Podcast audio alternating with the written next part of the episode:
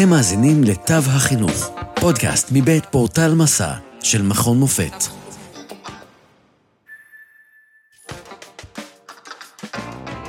למידה חברתית רגשית בעתות משבר, מאת מדליין וויל. כאן דוקטור ברק בר זוהר עם קצר מר נוסף מבית היוצר של פורטל מסע ומרכז הידע האקדמי במכון מופת. בעתות חירום, בתי הספר עוברים ללמידה מרחוק, והתלמידים נאלצים לבהות שעות במסכים, להימנע מהגעה לבית הספר ולוותר על מפגשים חברתיים. אלו הם למעשה זמנים בהם מחנכים ומורים צריכים להסתמך על למידה חברתית רגשית ביתר שאת. שכן, השבועות הממושכים בבתים עלולים לייצר פחדים, חרדות או טראומות ארוכות טווח בקרב התלמידים. אבל לעיתים קרובות, המורים נדרשים ליישם פרקטיקות חדשניות של למידה חברתית רגשית, מבלי הכשרה פדגוגית או תמיכה שוטפת והולמת בזמן אמת. בתקופת משבר הקורונה, המעבר ללמידה מרחוק התבצע במהירות, בטוטליות ובאופן מאולץ.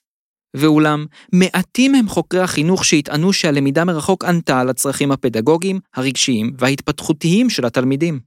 יתרה מכך, בעוד שהמורים נדרשו לעבור ללמידה מקוונת, רובם המוחץ לא הוכשר לפורמט פדגוגי זה. כמענה לכך, מחוזות לימוד רבים בארצות הברית החלו להעסיק מנחי למידה חברתית רגשית.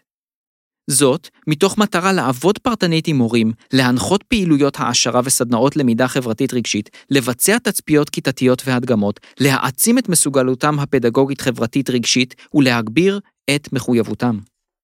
במחוז לימוד בבוסטון, לדוגמה, בו לומדים כ-6,000 תלמידים, גובשה קבוצת עבודה שמטרתה היא אחת, הטמעת למידה חברתית רגשית בבתי הספר.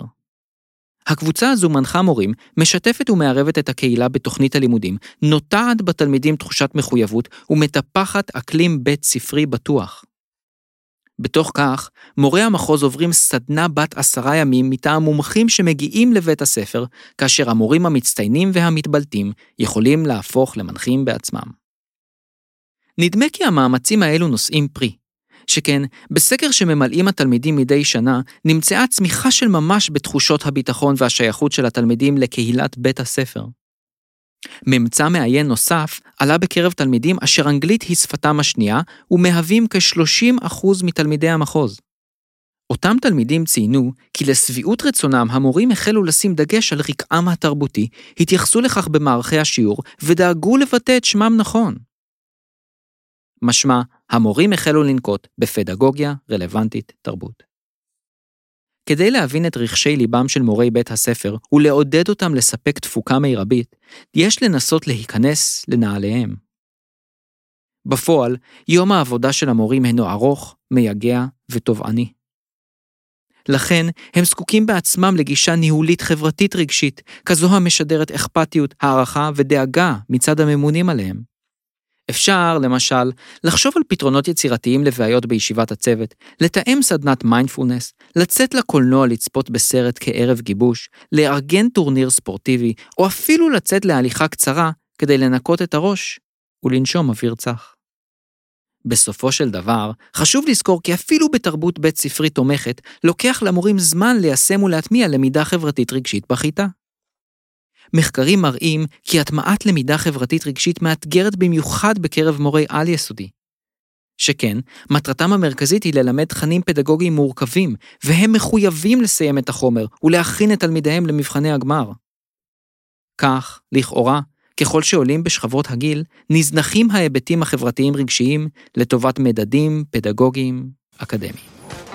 לעוד מידע, היכנסו לאתר portal.macam.ac.il p-o-r-t-a-l נקודה m-a-c-a-m נקודה a-c.il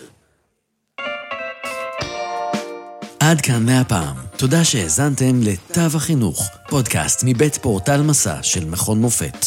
פרקים נוספים תוכלו למצוא בפורטל מסע, או באפליקציית הפודקאסט האהובה עליכם.